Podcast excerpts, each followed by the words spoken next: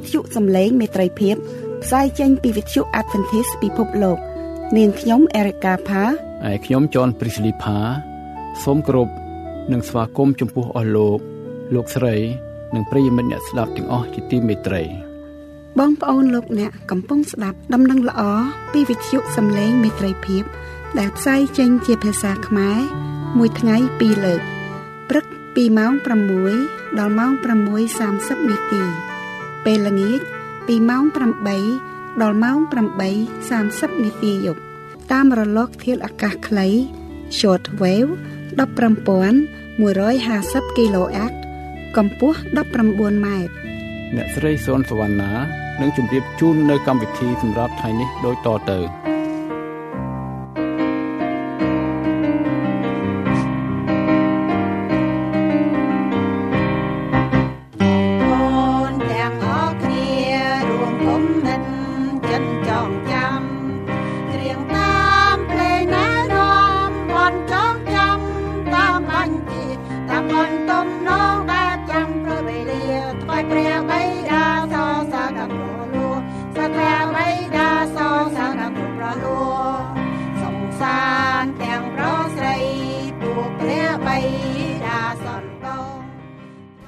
បងប្អូនស្ងួនភ្ងាជាទីគោរពនិងជាទីមេត្រី លោកពេត្រុសនៅក្នុងសម្បត្តិទី2របស់លោក នៅចំពុក3ខ15ដល់ខ16សម្ដែងថា ហើយត្រូវរាប់សេចក្តីអត់ធ្មត់របស់ព្រះអង្គម្ចាស់នៃយើង ទុកជាសេចក្តីសង្គ្រោះដូចជាប៉ុលជាបងប្អូនស្ងួនភ្ងារបស់យើងខ្ញុំ បានសរសេរមកអ្នករាល់គ្នា តាមប្រាជ្ញាដែលព្រះបានប្រទានមកលោកដែរ ដូចជាក្នុងគ្រប់ទាំងសម្បត្តិរបស់លោក ដែលសុទ្ធតែសម្ដែង ពីសេចក្តីទាំងនេះ នោះមានសេចក្តីខ្លះដែលពិបាកយល់ហើយពួកអ្នកខ្លៅល្ងងនិងពួកមិនភ្ជាប់ជួន គេបង្វែរនៃសេចក្តីទាំងនោះដូចជាគេបង្វែរបត់កម្ពីឯទៀតដែរឲ្យខ្លួនគេត្រូវវិនិច្ឆ័យប្រកាសណាស់មានបត់បន្ទូលជាច្រើនកន្លែង នៅសញ្ញាថ្មី ជាពិសេសក្នុងសម្បត្តិលោកប៉ុល ទៅកាន់ក្រុងរ៉ូមបានធ្វើឲ្យអ្នកអាននិងគ្រីស្ទៀនមិនយល់ឬយល់ខុសពីន័យដែលព្រះគម្ពីរចង់សម្ដែងមកកាន់យើង ថ្ងៃនេះសូមអញ្ជើញបងប្អូនលោកអ្នកស្ដាប់ការអធិប្បាយពុស្ដាពីលោកគ្រូសនសុផាត ដែលមានសម្លេងដើមទាំងស្រុងដូចតទៅសូមព្រះជាម្ចាស់ប្រទានព្រះពរដល់បរិបូរដល់សម្ដាប់នៃព្រះបន្ទូលព្រះនៅថ្ងៃនេះ បងប្អូនសុនភ្ងាជាទីមេត្រី នៅក្នុងកម្មវិធីនេះ យើងនឹងបន្តព្រះគម្ពីររ៉ូមនៅជំពូក7ជាបន្តទៅទៀតថ្ងៃនេះយើងនឹងមើលចាប់ពីខ7រហូតតទៅបើមុនចាប់ផ្ដើមមើលព្រះបន្ទូលរបស់ព្រះអង្គខ្ញុំសូមអញ្ជើញបងប្អូនសុនភ្ងាបានអធិដ្ឋានសូមប្រពោពីព្រះជាម្ចាស់ព្រះវរបិតាដែលគង់នៅឋានសួគ៌ទូមគុំសូមអរគុណព្រះអង្គ នៅពេលនេះទុំគុំសូមយាងព្រះមានបោសុតបានគង់សន្តិដ្ឋជាមួយបងប្អូនទុំគុំទាំងអស់គ្នាដែលកំពុងត្រង់ត្រាប់នៅស្ដាប់នៅព្រះបន្ទូលរបស់ព្រះអង្គសូមសារនៃសេចក្តីសង្ឃឹមនិងសេចក្តីសង្គ្រោះ បានជួយឲ្យបងប្អូនទាំងអស់គ្នា បានទទួលយកព្រះអង្គជាព្រះអង្គសង្គ្រោះផងដែរទុំគុំសូមអធិដ្ឋានដោយនៅព្រះនាមព្រះអង្គចាស់ព្រះយេស៊ូវគ្រីស្ទអាមែនខ្ញុំសូមជើញបងប្អូន បានមើលព្រះបន្ទូលជាមួយខ្ញុំពីព្រះគម្ពីរបោសុត នៅព្រះគម្ពីររ៉ូមចំពុក7ចាប់ពីខ7តទៅដូច្នេះយើងនឹងថាដូចម្ដេចតើក្រិតវិន័យជាតួបាបឬអីទេមិនមែនឡើយខ្ញុំមិនបានទាំងស្គាល់បាបផង លើកតែដោយសារក្រិតវិន័យចេញត្បិតបើសិនជាក្រិតវិន័យមិនបានថាកុំឲ្យលោភនោះខ្ញុំឥតបានដឹងថាមានសេចក្តីលោភផងឡើយតែកាលអំពើបាបបានឱកាស ដោយសារបញ្ញត្តិនោះក៏បង្កើតគ្រប់ទាំងសេចក្តីលោភនៅក្នុងខ្លួនខ្ញុំវិញត្បិតក្រៅពីក្រិតវិន័យអំពើបាបបានស្លាប់សូន្យតែពីដើម ក្រៅពីក្រិតវិន័យនោះខ្ញុំបានរស់នៅលុះសេចក្តីបញ្ញត្តិបានកើតមកនោះបាបក៏រស់ឡើងហើយខ្ញុំក៏ត្រូវស្លាប់វិញ ហើយខ្ញុំឃើញថាបញ្ញត្តិនោះ ដែលសម្រាប់ឲ្យមានជីវិតនោះបានឲ្យ ខ្ញុំត្រូវស្លាប់វិញត្បិតដែលបាបបានឱកាសដោយសារសេចក្តីបញ្ញត្តិនោះក៏មកបញ្ឆោតខ្ញុំព្រមទាំងសម្លាប់ខ្ញុំផង ដោយសារបញ្ញត្តិនោះឯងដូច្នេះក្រឹតវិន័យជាបរិសុទ្ធទេ ហើយសេចក្តីបញ្ញត្តិក៏បរិសុទ្ធសុចរិតល្អដែរចុះសេចក្តីល្អនេះបានប្រែទៅជាឲ្យខ្ញុំស្លាប់ឬអីទេមិនមែនឡើយ គឺជាបាបវិញទេតើ ដែលនាំឲ្យខ្ញុំស្លាប់ដោយសារសេចក្តីល្អនោះ ដើម្បីឲ្យបានសម្ដែងចេញមកជាបាបមែនហើយឲ្យបាបបានត្រឡប់ទៅជាធ្ងន់ក្រៃលែងដោយសារសេចក្តីបញ្ញត្តិនោះផងត្បិតយើងដឹងថាក្រិតវិន័យត្រូវខាងវិញ្ញាណតែខ្ញុំនៅខាងសាច់ឈាមវិញ ដោយបានត្រូវលក់ទៅក្នុងអំណាចរបស់បាប ពីព្រោះខ្ញុំ មិនដឹងការដែលខ្ញុំត្រូវប្រព្រឹត្តទេត្បិតខ្ញុំមិនធ្វើការដែលខ្ញុំចង់ធ្វើសោះគឺតែងតែប្រព្រឹត្តការដែលខ្ញុំស្អប់វិញខ16បើសិនជាខ្ញុំតែងតែប្រព្រឹត្តការដែលខ្ញុំមិនចង់ធ្វើនោះខ្ញុំយល់ព្រមថាក្រឹតវិន័យល្អមែនអរគុណព្រះអង្គយើងឈប់ត្រង់នេះសិនលោកខ្ញុំជើញបងប្អូនទាំងអស់គ្នាបានពិចារណាមើលនៅក្នុងបទបន្ទូលនេះគម្ពីររ៉ូម បងប្អូនលោកអ្នកដឹងហើយថាពិបាកយល់ដូច្នេះបានជាអឺមួយរយៈពេលទៅមួយរយៈពេលទៀតលោកប៉ុលតែងបញ្ជាក់ពីជំហរនឹងអ្វីដែលលោកចង់មាននេះដូចជានៅក្នុងខ7នេះឯងនៅខ7នេះដែលលោកប៉ុលលើកបញ្ជាក់ច្បាស់ពីក្រិតវិន័យថាមិនមែនជាតួបាបទេ គឺមិនមែនឡើយ ទីណាគ្មានច្បាប់ ទីនោះក៏គ្មាន បាបដែរ ដោយសារមនុស្សមិនដឹងថាសកម្មភាពរបស់គេ ជាបាបដរាបដល់ច្បាប់សម្ដែងថា អ្នកណាប្រព្រឹត្តល្មើសនោះមានទោសក្រឹតវិន័យព្រះធ្វើឲ្យមនុស្សស្គាល់បាប ដែលនាំគេទៅឯសេចក្តីស្លាប់ តែក្រឹតវិន័យនោះមិនអាចជួយយើងបានទេអំពើបាបពិតហើយក៏គ្រោះថ្នាក់ផងខ្ញុំសូមលើកឧទាហរណ៍អំពីសារៈសំខាន់នៃក្រឹតវិន័យ ណាឧបមាថានៅថ្ងៃមួយមានមេឃស្រឡះអាកាសធាតុល្អណាហើយអ្នកក៏បានទៅលេងនៅមាត់បឹងហើយអ្នកកំពុងតែដើរចុះទៅមុជទឹក ពេលនោះអ្នកឃើញផ្លាកបំរាមនៅទីនោះថា ហាមចុះទឹកព្រោះមានក្រពើ អ្នកកំពុងតែរីករាយក្នុងចិត្តស្រាប់តែក៏លេចទៅឃើញផ្លាកបំរាមនោះណាទឹកចិត្តរបស់អ្នកក៏បានធ្លាក់ចុះណាដោយសារព័ត៌មាននោះបានធ្វើឲ្យខូចពេលរបស់អ្នក ណាធ្វើឲ្យខូចថ្ងៃរបស់អ្នកហើយតើនោះជាកំហុសនៃផ្លាកបំរាមនោះឬតើអ្នកនឹងខឹងទៅដល់អ្នកដែលដាក់ផ្លាកបំរាមនោះឬចំពោះក្រិតវិន័យគឺដូចគ្នានឹងផ្លាកបំរាមនោះដែរក្រិតវិន័យមានសារៈសំខាន់ដែលយើងទាំងអស់នេះត្រូវតែអរគុណតែផ្លាកបំរាមនោះមិនអាចនឹងកម្ចាត់ក្រពើនោះបានឡើយយ៉ាងណាមិញក្រិតវិន័យរបស់ព្រះក៏មិនអាចនឹងលុបនៅអំពើបាបរបស់យើងបានដែរ គឺមានតែព្រះមួយអង្គប៉ុណ្ណោះគឺជាព្រះយេស៊ូវគ្រីស្ទតនេះដែលខ្ញុំអោយបងប្អូនទាំងអស់គ្នាបានមើលហើយយើងនឹងពិចារណាមើលអំពីការនេះទៀតពីព្រោះថានៅក្នុងពេលដែលយើងវិភាគសារយើងវិញ្ញាអំពីក្រិតវិន័យអំពីច្បាប់របស់ព្រះនេះឃើញថាអឺបងប្អូនខ្លះក៏ពេញចិត្តបងប្អូនបងប្អូនខ្លះក៏មិនមិនជាពេញចិត្តទេហើយជាទូទៅគឺថាមនុស្សភាគច្រើនគឺថាមិនសូវត្រេកអរជាមួយនឹងច្បាប់ប្រមាណទេ ប៉ុន្តែយើងត្រូវដឹងថាយើងបានទទួលផលដែលល្អសวัสดิភាពនិងស្ដីសុខសាន្តអឺសន្តិភាពនៅក្នុងសង្គមក្តីគឺថាដោយសារច្បាប់នេះឯងដែលយើងទាំងអស់គ្នាបានទទួលផលដ៏ដ៏រាប់មិនអស់តនេះដែលយើងទាំងអស់គ្នាត្រូវយល់ថាក្រិតវិន័យ10ប្រការរបស់ព្រះវិញវាវិសេសវិសាលជាងនោះទៅទៀតគឺថា ដែលនាំឲ្យយើងទាំងអស់គ្នាបានស្គាល់បាបឲ្យយើងមានទំនាក់ទំនងល្អជាមួយនឹងព្រះ បងប្អូនលោកអ្នកដឹងទេថាអំពើបាបមិនអាចចូលទៅចិត្តព្រះបានទេដូច្នេះយើងគិតមើលថាបើសិនជាគ្មានក្រិតវិន័យ10ប្រការដូចគ្នាដែលយើងដែលគ្មានកញ្ចក់សម្រាប់ឆ្លោះមើលមុខចឹងយើងមិនដឹងថាមុខយើងប្រឡាក់នៅកន្លែងណាខ្លះទេណាដូច្នេះយើងចេះតែស្មានស្មាននៅមុខយើងល្អឯនោះប៉ុន្តែ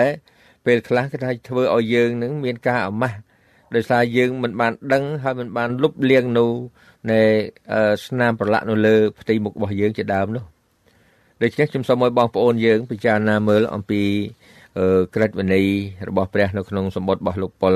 ទៅកាន់ក្រុងរ៉ូមនោះគឺថាមានខ្លឹមសារអត្តន័យនោះគឺថាអស្ចារ្យណាស់លោកបងប្អូនទាំងអស់គ្នាយើងមើលនៅក្នុងបទបន្ទូលនេះណែអឺអំបញ្ញមិញយើងមើលទៅទល់នឹងខ16បាទ16 ហើយបងប្អូនទាំងអស់គ្នាមើលកន្លែងនេះម្ដងទៀតខ្ញុំសូមឲ្យបងប្អូនមើលទៅគម្ពីររ៉ូមចំពុក7ខ11កន្លែងនោះដែលមានចំណុចខ្លះដែលយើងទាំងអស់គ្នា គួរតែពិចារណាត្រេះរិះមើលឡើងវិញបាទហើយលោកប៉ុលបានគូសបញ្ជាក់យ៉ាងច្បាស់ណាស់ថានៅខខ7ថាដូច្នេះយើងនឹងថាដូចម្ដេចតើក្រិតវិន័យជាតួបាបឬអីទេមិនមែនឡើយ ខ្ញុំមិនបានទាំងស្គាល់បាបផង លើកតែដោយសារក្រិតវិន័យចេញបាទអរគុណព្រះអង្គបងប្អូនឃើញម្ដងទៀតនៅក្នុងខក្នុងខខ13ថាចុះសេចក្តីល្អនេះ បានប្រែទៅជាឲ្យខ្ញុំស្លាប់ឬអីទេមិនមែនឡើយគឺជាបាបវិញទេតើដែលនាំឲ្យខ្ញុំស្លាប់ដោយសារសេចក្តីល្អនោះអរគុណព្រះអង្គ ដូច្នេះបងប្អូនលោកអ្នកមើលគម្ពីររ៉ូមនេះខ្ញុំជម្រាបប្រាប់បងប្អូនជាហោហែមកថាមិនមែនជាការងាយយល់ទេតើយើងស្ដាប់នៅខ្លឹមសារនៅនៃនេះឲ្យច្បាស់ពីព្រោះលោកប៉ុលលោកតែងលើកបញ្ជាក់ច្បាស់នៅចំណុចដែលគេហៅថាមរយៈអញ្ចឹងទៅនឹងគាត់តែងលើកសួរជាសំណួរមួយ ដើម្បីបញ្ជាក់ពីគោលជំហររបស់គាត់កន្លែងនេះបាញ់មិញនេះយើងដឹងថាជំហររបស់លោកប៉ុលលោកបានថ្លែងជម្រាបប្រាប់យើងទាំងអស់គ្នាថា ក្រិតវិន័យមិនមែនជាតួបាបទេ បាទឥ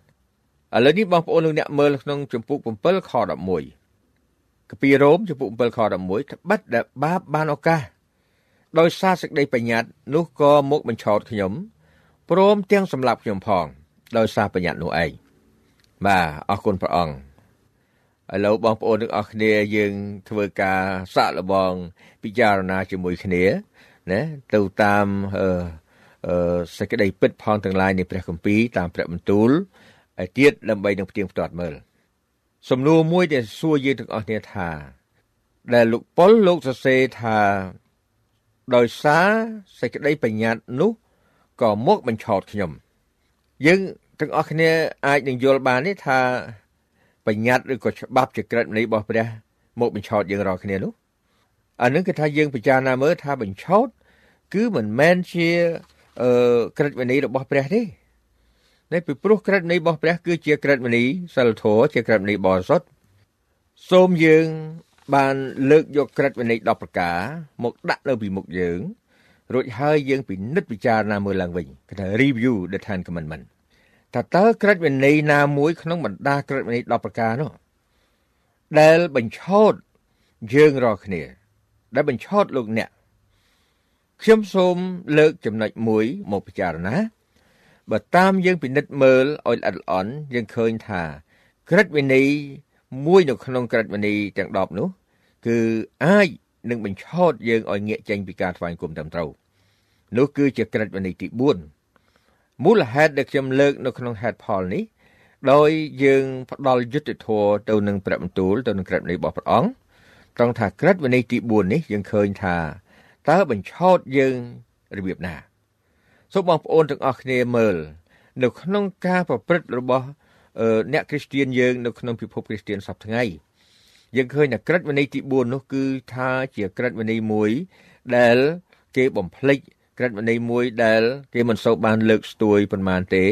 ហើយមួយទៀតគឺថាក្រិតវិន័យទី4នោះគឺថាអាចអឺមនុស្សបានបំផ្លាស់ប្រែពី ក្រិតវិន័យរបស់ព្រះឲ្យទៅជាក្រិតវិន័យរបស់មនុស្សវិញនោះដែលខ្ញុំបានជម្រាបជូនបងប្អូនថា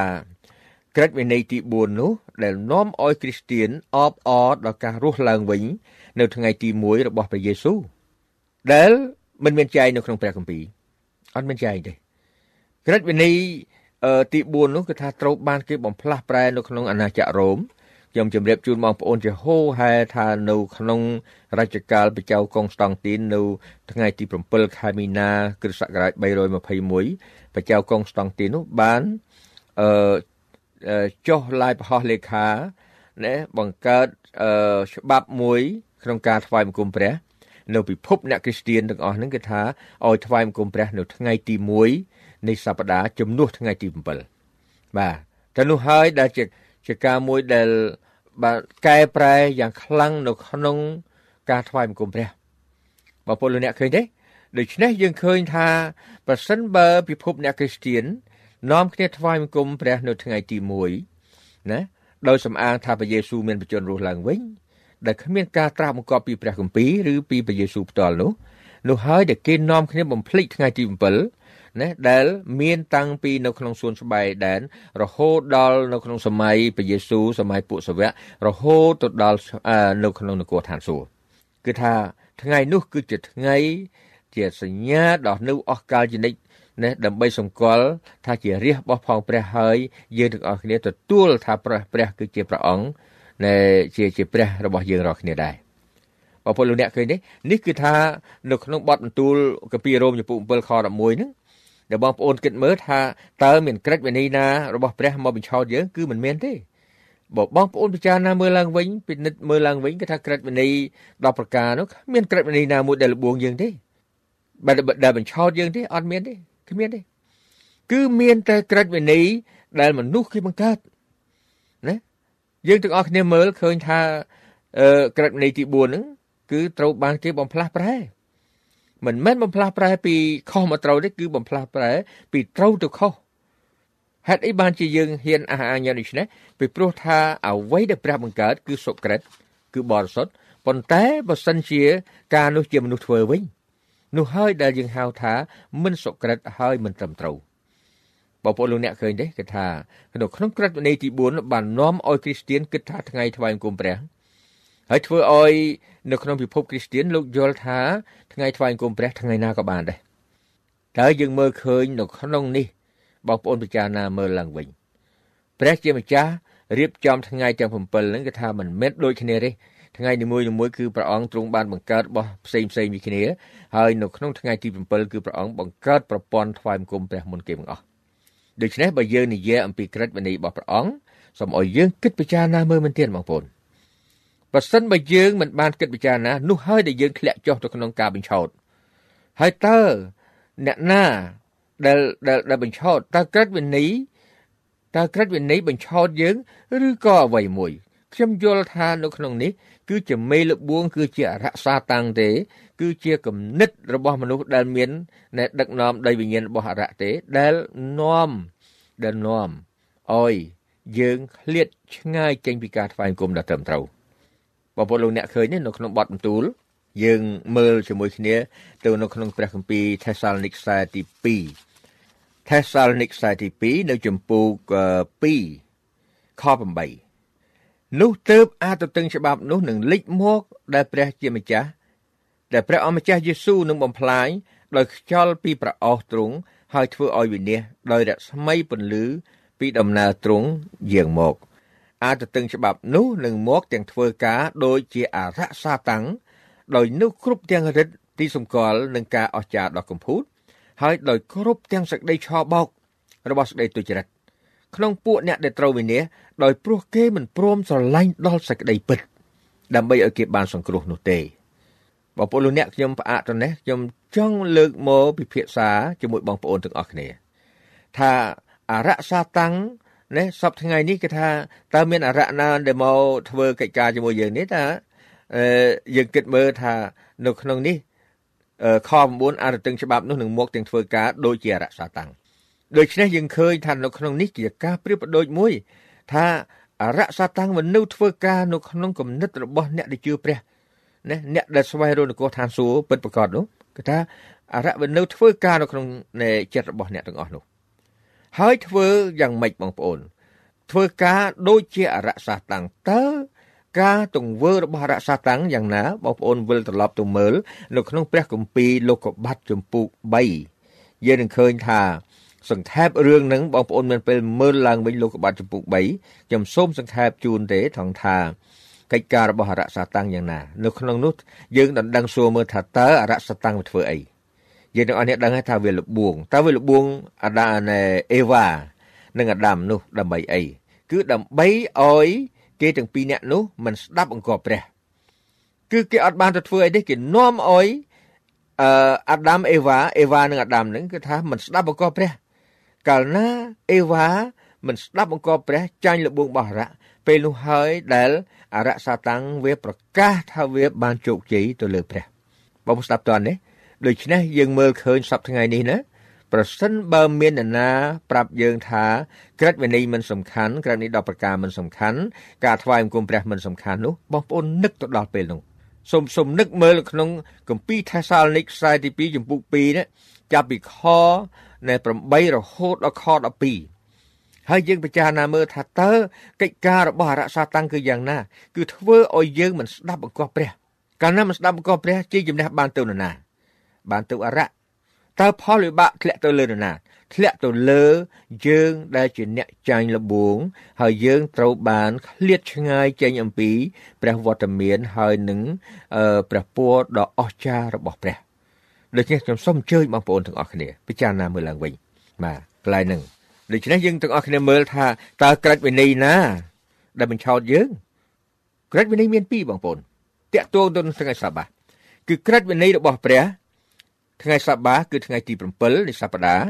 ណាគឺជាថ្ងៃថ្វាយបង្គំព្រះគឺថ្ងៃទី7ធ្លាក់ចូលទៅលើថ្ងៃសៅរ៍ឯក្រិតវិន័យមួយទៀតអំពីការថ្វាយបង្គំព្រះបន្ទាប់ពីអាណាចក្ររ៉ូម៉ាធ្លាក់ចុះមកនៅបានដឹកនាំមកគឺថាគឺគេបង្កើតជាច្បាប់របស់មនុស្ស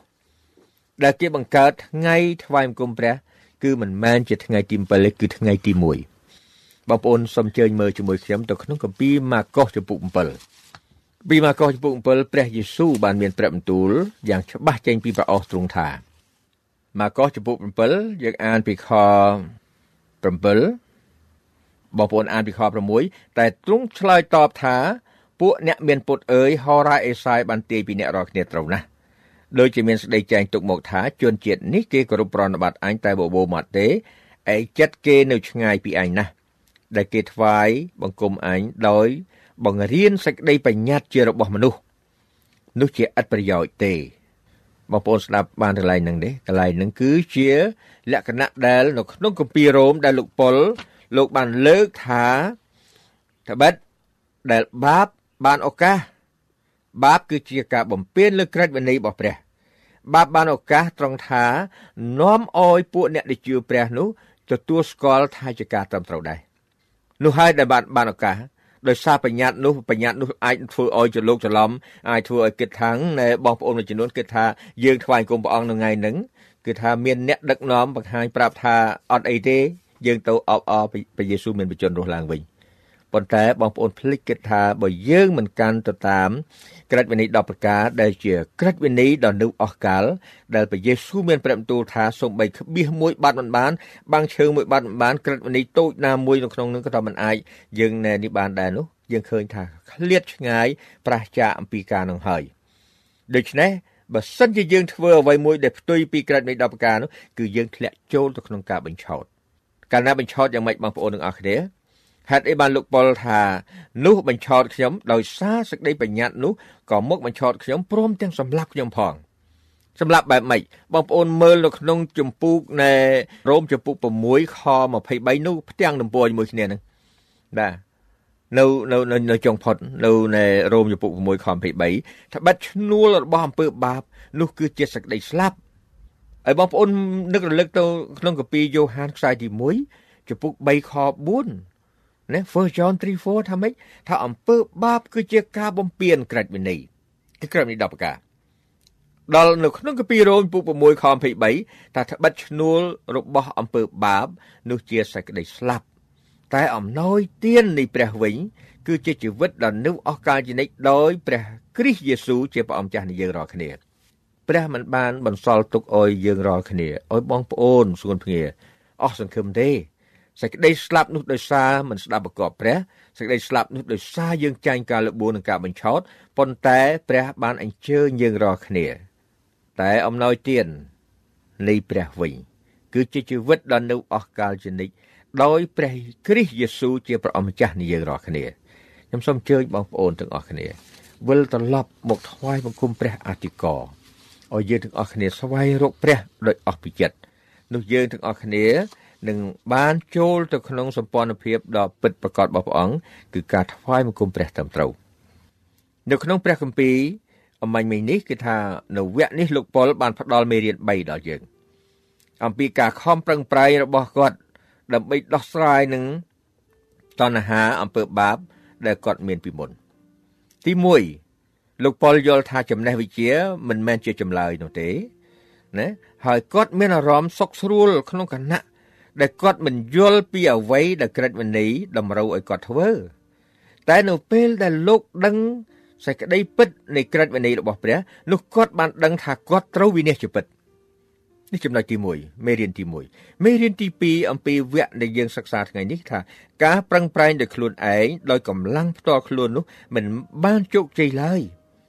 លោកប៉ុលបានរកឃើញថាគាត់បានធ្វើបាបតាមបែបដែលមិនគួរទាំងចាប់អារម្មណ៍ផង អំពើបាបខ្លះដូចថាយើងមិនមិនចាប់អារម្មណ៍ថាវាជាអំពើបាបផងបាទហើយចំណុចទី3មេរៀនទី3គឺថាការคลายខ្លួនជាគ្រីស្ទៀនមិនមែនធ្វើឲ្យយើង រួចផុតពីបាប ហើយនឹងការលបួងនានាពីជីវិតរបស់យើងនោះទេ បាទខ្ញុំសូមអញ្ជើញបងប្អូនសួនភ្ងាថ្ងៃនេះបានវិលត្រឡប់ទៅពិចារណាមើលក្រឹតវិន័យ10ប្រការរបស់ព្រះអង្គគឺជាក្រឹតវិន័យដែលនាំឲ្យយើងបានជីវិតបាទអរគុណព្រះអង្គ ខ្ញុំសូមបញ្ចប់នៅក្នុងគម្ពីរអេសេគៀលចំពុក20ខ12អញក៏តាំងថ្ងៃជប់សម្រាប់របស់អញឲ្យគេដែរទុកសម្រាប់ជាទីសម្គាល់ដល់អញហើយនឹងគេ ប្រយោជន៍ឲ្យគេបានដឹងថាអញជាព្រះយេហូវ៉ាដែលងាកគេចេញជាបរិសុទ្ធខ10ដូច្នេះអញបានធ្វើឲ្យគេចាក់ចេញពីស្រុកអេស៊ីបហើយបាននាំចូលទៅក្នុងទីរហោស្ថានអញក៏ឲ្យក្រិតក្រមរបស់អញដល់គេព្រមទាំងសម្ដែងឲ្យគេស្គាល់បញ្ញត្តិច្បាប់ ទាំងប៉ុន្មានរបស់អញដែលបើអ្នកណាប្រព្រឹត្តតាមអ្នកនោះនឹងបានរស់ដោយសារច្បាប់នោះអរគុណព្រះអង្គសូមព្រះជាម្ចាស់ប្រទានពរបរិបូរណ៍ដល់បងប្អូនសូមគ្នាអាមែន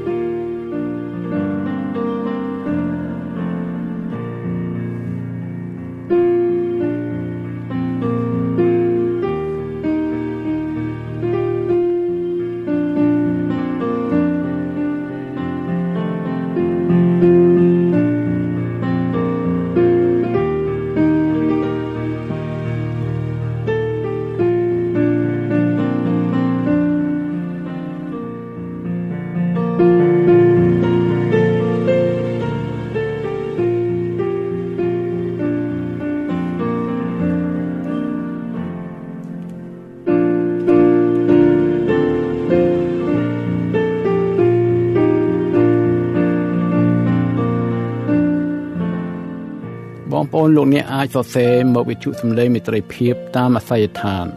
វិទ្យុសំឡេងមិត្តភាពប្រអប់សម្បត្តិ488ក្រុងភ្នំពេញ កម្ពុជាឬអ៊ីមែលទៅកាន់វិទ្យុយើងតាមអាស័យដ្ឋាន vol@awr.org លោកអ្នកអាចស្នើសុំសិភៅមេរៀនព្រះគម្ពីរ CD អធិប្បាយឬជាសំណួរសំណុំពរមកវិទ្យុយើងបានគ្រប់ពេល។ កម្មវិធីសម្រាប់ថ្ងៃនេះចប់តែប៉ុណ្ណេះវិទ្យុយើង សូមថ្លែងអំណរគុណជាអតិបរមា ចំពោះការយកចិត្តទុកដាក់ស្ដាប់ របស់អស់លោកអ្នកនាង សូមព្រះជាម្ចាស់នៃមេត្រីភាព ប្រោសប្រទានព្រះពរគឺសេចក្តីសុខសន្តិភាព អំណរនិងសុភមង្គល ជានិច្ចនិរន្តរ៍តរៀងទៅរៀបត្រីសួស្តី